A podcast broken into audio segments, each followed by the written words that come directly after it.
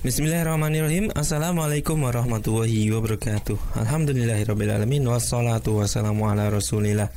Sahabat Quran di mana pun anda berada Senang sekali saya Nur Syahid Bisa kembali menyapa sahabat Quran semua Pada kesempatan kali ini. Dan insya Allah ya Saya akan membersamai anda dalam acara Majelis Takon Atau Majelis Tanya Jawab Dan konsultasi Yang insya Allah akan dibersamai oleh Syekh Abdul Qadir Abdul Aziz Dan mutarjem kita Ustadz Abdul Mujib dan alhamdulillah telah hadir ya beliau Syekh Abdul Qadir Abdul Aziz dan uh, petanjim kita Ustadz Abdul Mujib.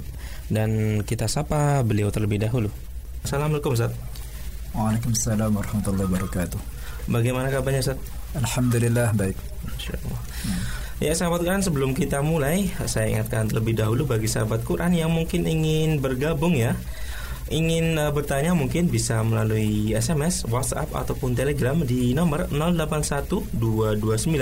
081229888614 yang mana nanti akan kita simpan dan insya Allah akan kita bahas di kesempatan berikutnya.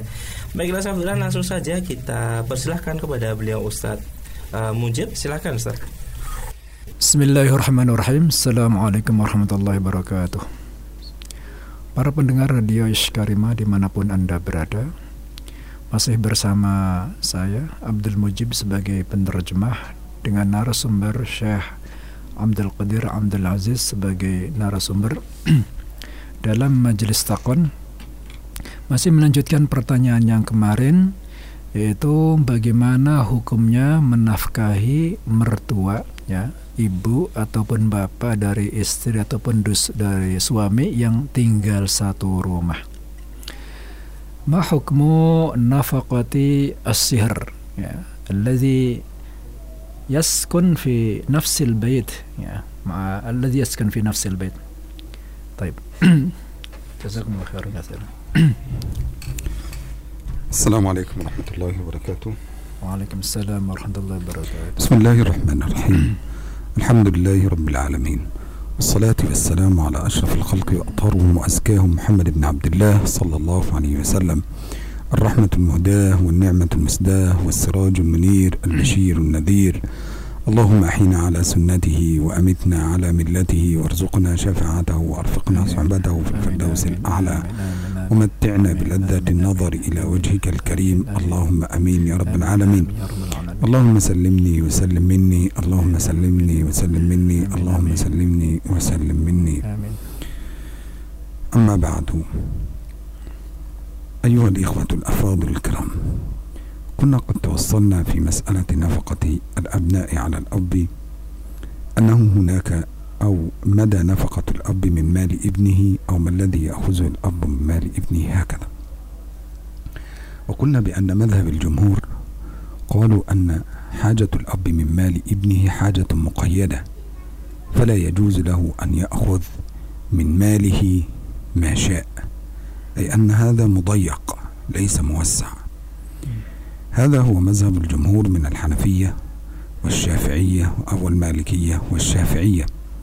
وبعض الحنابلة Para pendengar sekalian berbahagia, khususnya kepada ikhwan yang bertanya, kita kemarin sudah membahas tentang hukum nafkah seorang anak terhadap bapaknya dan hukum seorang bapak yang mengambil dari harta anaknya. Dan kita kemarin uh, mengatakan bahwasanya seorang bapak boleh mengambil dari hak milik anaknya tetapi dalam kadar-kadar yang tertentu ya dalam kadar-kadar yang tertentu dan tidak bisa leluasa ya. وهذا هو مذهب جمهور الفقهاء من الحنفية والمالكية والشافعية والحنابلة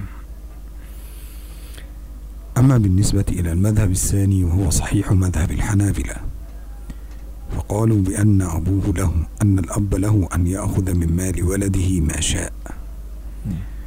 إلا يعني ليس له أن يأخذ من مال ولده ما شاء إلا عند الحاجة. فهنا أيضا الأمر مضيق ليس موسع. يعني يجوز له أن يأخذ ما شاء لكن عند حاجته إلى هذا المال. واشترطوا لذلك أن يكون الأب محتاجا وأن يأخذ هذا المال لحاجته هو فقط. فلا يأخذه من واحد حتى يعطيه لغيره.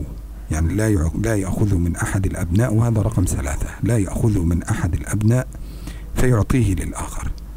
إذا اجتمعت هذه الثلاثة شروط فإنه يجوز للأب أن يأخذ ما شاء من والي من مال ابنه. sawa rodi au lam. Ya. Demikianlah tadi pendapat jumhurul ulama ya bahwasanya seorang bapak boleh mengambil dari harta anaknya tetapi tidak bisa mengambil secara leluasa. Dia mengambil dengan kadar-kadar tertentu saja.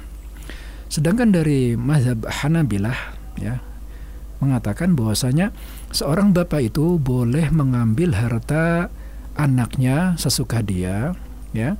Tetapi dengan syarat-syarat tertentu ya. Sebenarnya syarat-syarat ini juga membatasi seorang bapak untuk mengambil harta anaknya. Yaitu syarat-syarat tersebut ya yaitu yang pertama seorang bapak memang dalam keadaan membutuhkan terhadap harta tersebut. Kemudian yang kedua dia mengambilnya untuk kebutuhan diri sendiri ya.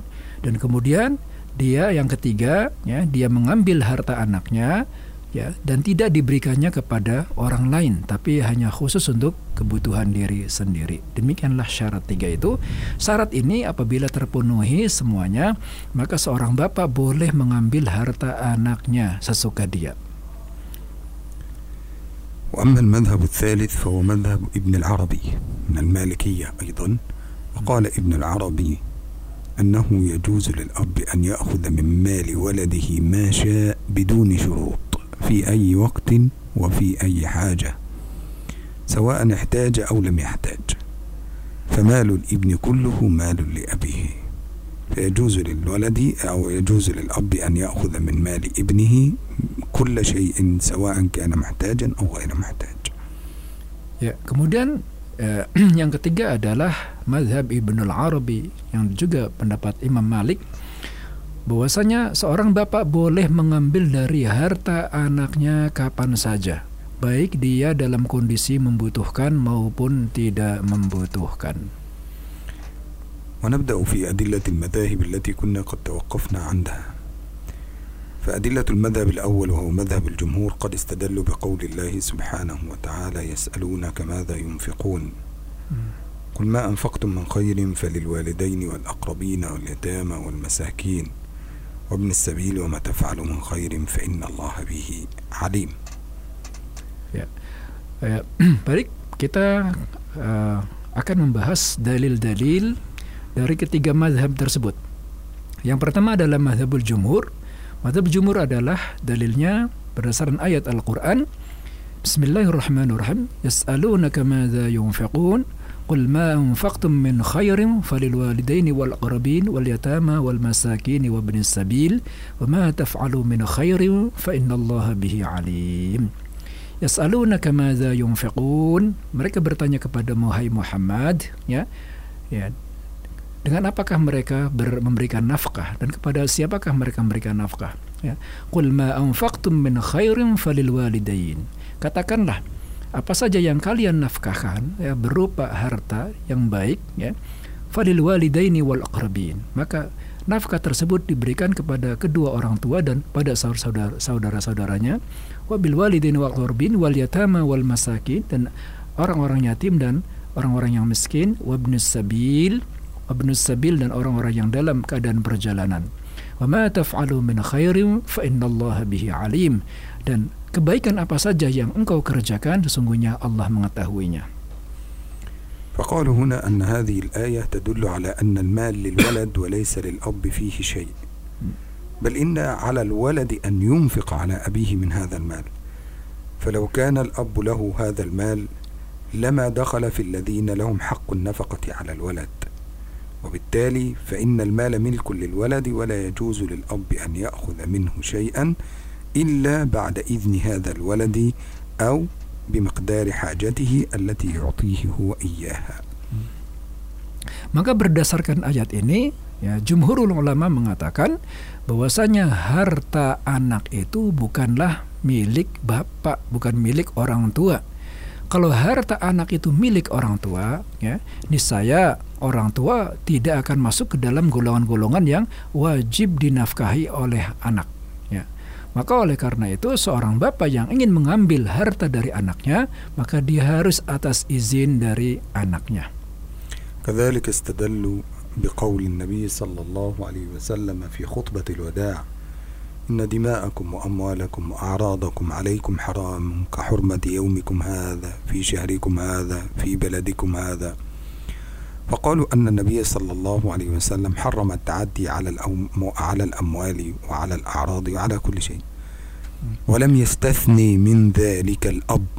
وبالتالي لو كان يجوز له أن يأخذ من مال ولده ما يشاء لما استثنى لاستثناه النبي صلى الله عليه وسلم. لكان النبي قد استثناه من هذا من هذا النهي عن التعدي على أموال الغير وعلى حرمات الغير وعلى أعراض الغير Demikian juga jumhurul ulama mengambil dalil dari sabda Rasulullah Shallallahu Alaihi Wasallam dalam hijjah dalam haji wada. Beliau beliau bersabda, Inna dima'akum wa amwalakum wa a'radukum haramun alaikum ka hirmatikum hadha fi syahrikum hadha fi baldatikum hadha. Sesungguhnya harta kalian, darah kalian dan harga diri kalian dan kehormatan kalian itu diharamkan kepada kalian sebagaimana haramnya bulan ini dan sebagaimana haramnya tanah ini dan sebagaimana haramnya waktu ini ya. Maka di dalam hal ini Rasulullah Shallallahu Alaihi Wasallam mengatakan secara umum ya bahwasanya harta itu haram untuk dilanggar dan tidak ada pengecualian. Kalau seandainya seorang bapak itu boleh mengambil harta anaknya, niscaya beliau akan mengecualikannya. Ya, tapi dalam hal ini ternyata beliau menge tidak mengecualikannya dan mengatakannya secara umum bahwasanya harta kalian itu haram untuk dilanggar. كذلك استدلوا بحديث النبي صلى الله عليه وسلم كل أحد أحق بماله من والده وولده والناس أجمعين حديث النبي صلى الله عليه وسلم كل أحد أحق بماله من والده وولده والناس أجمعين. فقال الفقهاء هنا أن النبي صلى الله عليه وسلم بين أن الولد له ملكية تامة خاصة به هو أحق بها من والده ومن ولده ومن كل الناس لا يجوز التعدي عليها. من أي أحد غير هذا الولد فله أن ينفق فيها ما شاء كيف ما يشاء ولا يجوز لأحد أن يأخذ منها شيئا ولا يتعدى إلا بإذنه أو برضاه. Ya.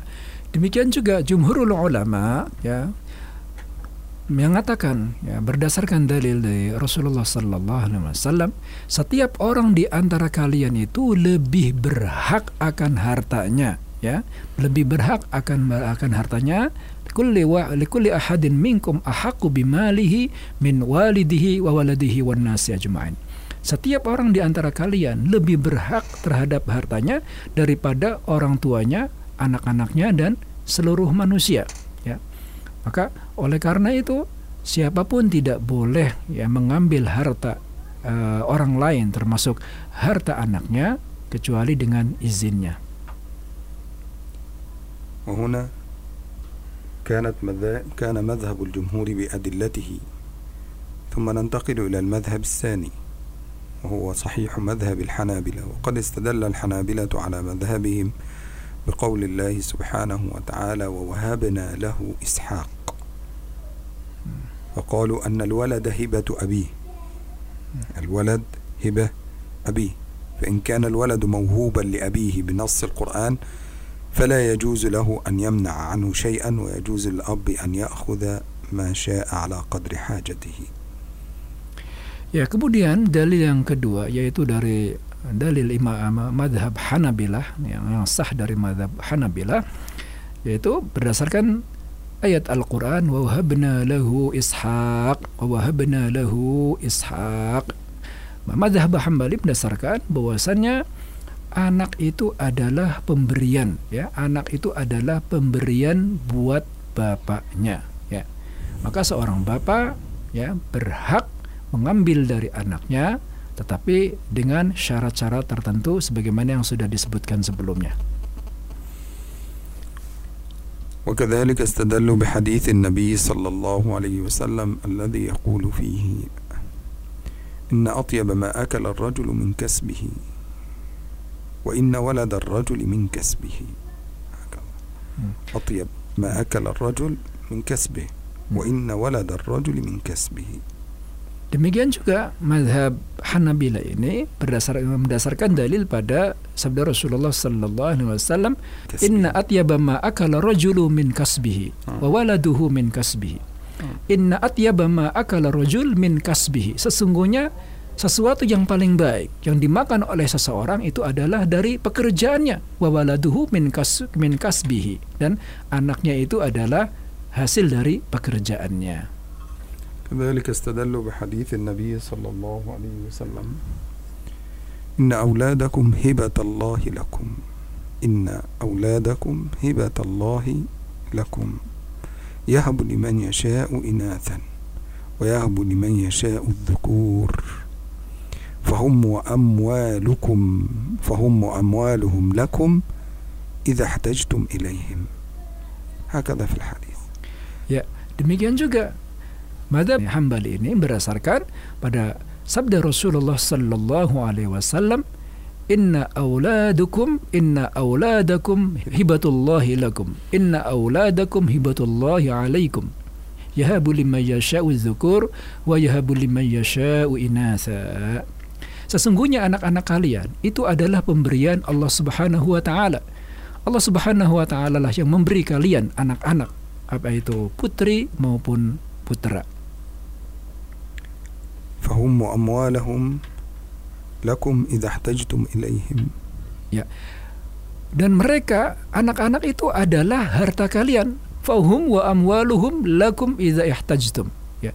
Mereka anak-anak itu dan harta-hartanya adalah kepunyaan kalian apabila kalian membutuhkannya.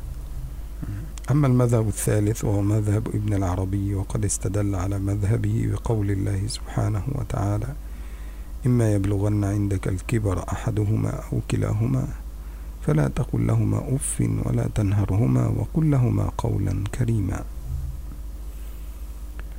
وقالوا هنا إذا بلغوا الكبر وأصابهما الكبر عنده وكانوا محتاجين فلهما أن يأخذا كل شيء بدليل الحديث الرجل الذي جاء إلى النبي صلى الله عليه وسلم يسأله عن أبوه وعن حاله فقال له النبي صلى الله عليه وسلم أنت ومالك لأبيك Kemudian yang ketiga adalah mazhab Ibnul Arabi ya.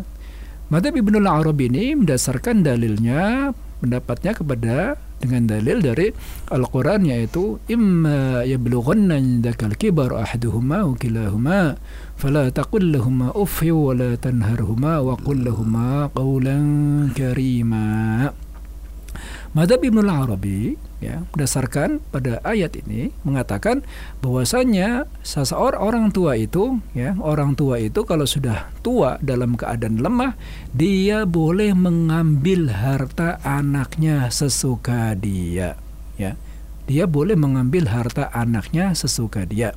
Hal ini didasarkan juga pada uh, sabda Rasulullah Sallallahu Alaihi Wasallam ketika seorang datang kepadanya dan kemudian dia menceritakan kepada Rasulullah tentang kondisi bapaknya yang sudah tua. Kemudian Rasulullah Sallallahu Alaihi Wasallam mengatakan, anta wa maluka li abika. Kamu, ya kamu dan hartamu itu adalah kepunyaan bapakmu. ولذلك نجد أن الفقهاء بعد أن تختلفوا هذا الاختلاف يمكن أن نخرج بالرأي الراجح وهو أن نقول أنه يجوز للأب أن يأخذ من مال ابنه على قدر حاجته لكن ما هي شروط الاستحقاق التي تجعل الأب يستحق هذه النفقة وتجعل الولد ينفق على أبيه وقالوا عندنا شروط في المنفق وشروط في المنفق عليه Ya, uh, setelah kita paparkan berbagai macam pendapat madhab-madhab tersebut di atas, ya, sekarang uh, kita ambil satu pendapat yang paling kuat, pendapat yang paling rojih, yaitu bagaimanakah dalam kondisi seorang bagaimanakah seorang bapak itu boleh ya atas alasan apa seorang bapak itu berhak untuk mengambil harta anaknya dan kapankah seorang anak itu wajib memberikan nafkah kepada orang tuanya الشرط الأول أن يكون المنفق المنفق وهو الولد الذي ينفق على أبيه أن يكون موسرا يعني أن يكون عنده نفقة زائدة والنفقة الزائدة هذا اختلف فيها الفقهاء حقيقة يعني. فقال المالكية أن يكون عنده زيادة على ملك النصاب. يعني يكون عنده زيادة على ملك النصاب في المال وملك النصاب في المال ما يعادل 85 جراما من الذهب أو كما قال الفقهاء عشرين مثقالا من الفضة من الذهب وعشرين ومئتين دينارا من الفضة. هكذا ya ya kemudian syarat yang pertama adalah ya yang pertama adalah syarat al-munfiq syarat yang berikan nafkahnya ya yang pertama adalah ayakuna musiran hendaknya uh, anak yang berikan nafkah ini dalam kondisi uh, punya ya dalam kondisi lapang ya dalam kondisi lapang dalam kondisi punya nah, kemudian kondisi lapang ini atau kondisi punya ini mazhab-mazhab ini juga berbeda pendapat Imam Malik mengatakan kondisinya adalah ketika seseorang itu memiliki harta nisob nisob batas minimal yang harus dizakati yaitu uh, 20 ya 20 uh, isruna misqalan isruna misqalan zahaban yaitu 20 eh 85 gram emas ya 85 gram emas. Ketika seorang mempunyai kadar 8 harta dengan nilai 85 gram emas maka dia dikategorikan sebagai orang yang mampu atau musir. وبعض الناس يجعلون النصاب 96 جرام من الذهب هكذا على حسب اختلاف هذا الوزن عندهم ولكن الفقهاء قالوا بأنه ما يقدر فيه مصلحة الفقير فإذا تعارض أمران أحدهما أقل يعني أحد الأمران أقل والآخر أعلى فإننا ننظر إلى حالة الفقير أيهما أصلح لحاله. فإذا كان حاله في الخمسة وثمانين جرام يكون الخمسة وثمانين جرام هو النصاب ويعمل به عند الفقهاء. وفي هذه الحالة الأب هنا أو الولد هذا في مذهب المالكية أن يملك نصابا. لكن في مذهب الشافعية قال الشافعية أن يملك ما يزيد عن حاجته وحاجة زوجته وولده يوما وليلة يعني إطعام أولاده دواؤهم ما كسوتهم هذه الأشياء هذا ما يكفيه هذا اليوم زيادة هذه الليلة وغدا. خلاص إذا هذا خلاص يجوز له هكذا يكون مسيرا ولا يكون معسرا. Ya. Kemudian uh, kondisi ya, seorang itu dikatakan lapang. Ada juga yang mengatakan 20 senilai 26 gram emas, ya, senilai 26 gram emas. Ada yang mengatakan adalah pertengahan, pertengahan di antara uh, kondisi tersebut, yaitu antara kondisi kaya dan kondisi miskin. Ya, ketika seseorang berada ya dalam kondisi dalam keadaan kondisi antara kaya dan miskin itu sudah dikatakan mampu. Sedangkan Imam Syafi'i mengatakan bahwasanya hmm, seseorang itu sudah dikatakan sudah cukup dikatakan musir, sudah cukup dikatakan lapang apabila dia mempunyai kelebihan nafkah untuk dia dan keluarganya pada hari itu dan kemudian besoknya ya. Kalau dia sudah mempunyai atau dalam kondisi lapang untuk menafkahi dirinya sendiri dan kemudian keluarganya pada hari itu dan untuk besoknya ya maka itulah ya dia cukup dikatakan lapang pada saat itu. اشترطوا لذلك أن يكون قادرا على الكسب فإن كان غير قادر على الكسب فلا تجب عليه نفقتهم. Ya kemudian para ulama juga ya mensyaratkan bahwasanya anaknya ini disyaratkan dia mampu bekerja ya. Kalau dia seorang yang pengangguran ya tidak mampu bekerja, seorang yang lemah maka ya tidak ada uh, dia tidak berwajib untuk memberikan nafkah. أما الحنابلة فقالوا الإيسار عنده أو أن أنه يكون موسر أن يكون عنده نفقة زائدة عن حاجته وحاجة زوجته وأولاده وأن يكون قادرا على الكسب أيضا لكن اشترطوا أن يكون يعني آه، أن يكون هذا الكسب زيادة عن مؤنته ومؤنة أولاده لمدة سنة Hakam. Ya. Ya ini uh, kemudian pendapat uh, Madhab Hanabilah mengatakan bahwasanya yaitu ya seorang itu dalam kondisi lapang kemudian dia mampu bekerja dan kondisi lapang itu adalah dia mampu memberikan nafkah kepada keluarganya pada diri sendiri dan kepada anak-anaknya selama satu tahun أما الحنفية فقالوا إما أن يكون له إما أن يكون موسرا وعنده مال فهذا تجب عليه النفقة. وإما أن يكون فقيرا ولا مال له ولكنه قادر على الكسب فهذا تجب عليه النفقة. وإما أن يكون فقيرا وليس له مال وغير قادر على الكسب فهذا لا تجب عليه نفقة Ya, sedangkan uh, mazhab Hanafi, ya mazhab Hanafi ya, Imam Hanafi yang mengatakan bahwasanya kondisi atau syarat-syarat seseorang itu kewajiban untuk menafkahi orang tuanya adalah yang pertama dia dalam kondisi uh, lapang ya dalam kondisi mampu ya kemudian dia juga mampu bekerja. Kemudian seandainya dia tidak dalam kondisi fakir dalam kondisi miskin tetapi dia mampu bekerja nah maka tetap ya tetap dia berkewajiban untuk memberikan nafkah kepada orang tuanya. Kemudian yang ketiga, kalau dia kondisinya miskin, ya, kemudian dia juga tidak bisa bekerja, maka dia tidak wajib untuk memberikan nafkah kepada orang tuanya.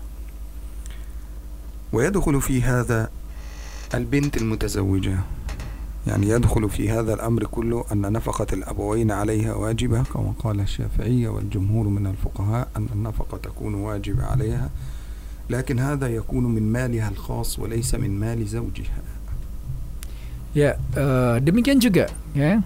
Tadi uh, demikian juga terhadap putri ya, terhadap uh, perempuan ya. Wanita atau perempuan seorang istri juga wajib memberikan nafkah kepada kedua orang tuanya. Tetapi nafkah yang dia berikan kepada orang tuanya itu adalah khusus dari hartanya sendiri bukan harta suaminya. فإن كان لها ذمة مالية خاصة ومن مالها الخاص فنفقة أبويها واجبة عليها Ya, kalau dia mempunyai harta yang khusus, ya, dan dia juga mempunyai pekerjaan yang khusus, ya, maka dia wajib memberikan nafkah kepada kedua orang tuanya. بشرط أن يكون الأب فقيرا وغير قادر على الكسب Ya, dengan syarat orang tuanya ya miskin dan kemudian tidak mampu untuk bekerja. atau an yakuna ajizan ataupun orang tuanya sudah sepuh ya sudah lemah sudah lanjut usia dan tidak mampu bekerja wa an takuna hadhihi nafaqah zaida an hajati auladiha dan demikian juga nafkah yang dia berikan yaitu adalah kelebihan ya kelebihan dari kebutuhannya dan kebutuhan anak-anaknya. Hmm. Hada ala ra'i man qala bi anna nafaqat abna'iha wajibatan 'alayha. Ini adalah berdasarkan pendapat orang yang mengatakan bahwasanya nafkah anak-anaknya itu juga adalah kewajiban ibunya. فأما من قال أن نفقة أبنائها ليست واجبة عليها فلم يشترط هذا الشرط Sedangkan pendapat yang mengatakan bahwasanya nafkah anak-anak itu bukan kewajiban dirinya, maka tidak mempersyaratkan syarat ini. وليس لها أن تنفق على أبويها من مال زوجها إلا بإذنه dan dia tidak boleh memberikan nafkah kepada kedua orang tuanya ya dengan harta dari suaminya kecuali atas izin dari suaminya. Amma nafaqatu zawjiha ala abiha falaysat wajibatan alaihi. Adapun nafkah ya nafkah kedua orang tuanya ya nafkah kedua kedua orang tuanya tersebut adalah bukan kewajiban suaminya بل إذا أنفق على أبويه على أبويها فهذا من قبيل البر والصلة فقط وليس هذا شيئا واجبا عليه بل هو تطوع منه ويؤجر عليه عند الله سبحانه وتعالى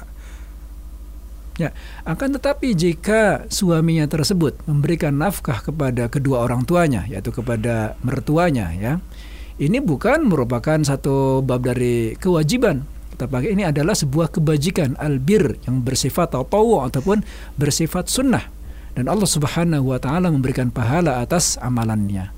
وإن هذا فيه من البر إلى الزوجة لأن أبويها قد يكونا فقيرين وزوجها غني جدا وبالتالي في هذه الحالة لا يمكن أن تترك أبويها يتألمان هكذا وزوجها يرى هذا فإن قلبها سيتألم فمن باب الرأفة بالزوجة والألفة والوفاء لها أن يقوم برعاية أبويها إذا كان هذا زائدا عن حاجة بيته وحاجة أولاده ونفقتهم.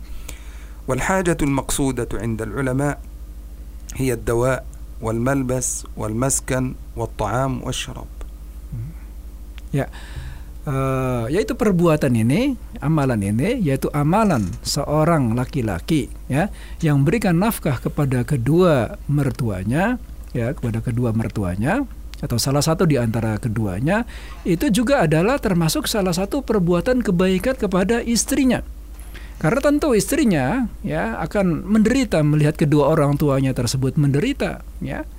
Maka ketika seorang suami memberikan nafkah ya seorang laki-laki memberikan nafkah kepada kedua mertuanya ini tersebut juga merupakan perbuatan baik kepada kepada istrinya tersebut ya. Dan bagaimana apa saja yang yang boleh atau yang boleh diberikan seorang laki-laki terhadap mertuanya tersebut? Yaitu di antaranya adalah adawa obat kemudian tempat tinggal kemudian pakaian kemudian eh, makanan yang merupakan kebutuhan-kebutuhan pokok وعلى هذا فلو سمح الزوج لزوجته أن تنفق على أبويها من ماله فإنه في هذه الحالة لا يجوز لها أن تأخذ إلا بالمعروف. فلا تأخذ أيضا إلا قدر الحاجة التي حددها العلماء من طعام وشراب وملبس ومسكن وهذه الأشياء ولا تزيد على هذا فإن غير ذلك يكون حراما. والله سبحانه وتعالى أعلى وأعلم.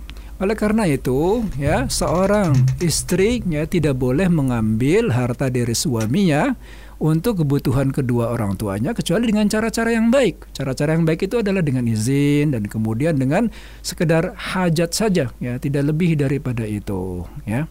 Adapun lebih daripada itu yang melampaui batas dan tanpa izin dari suaminya, maka ini adalah tidak boleh dan hukumnya adalah haram, ya. Wallahu taala alam.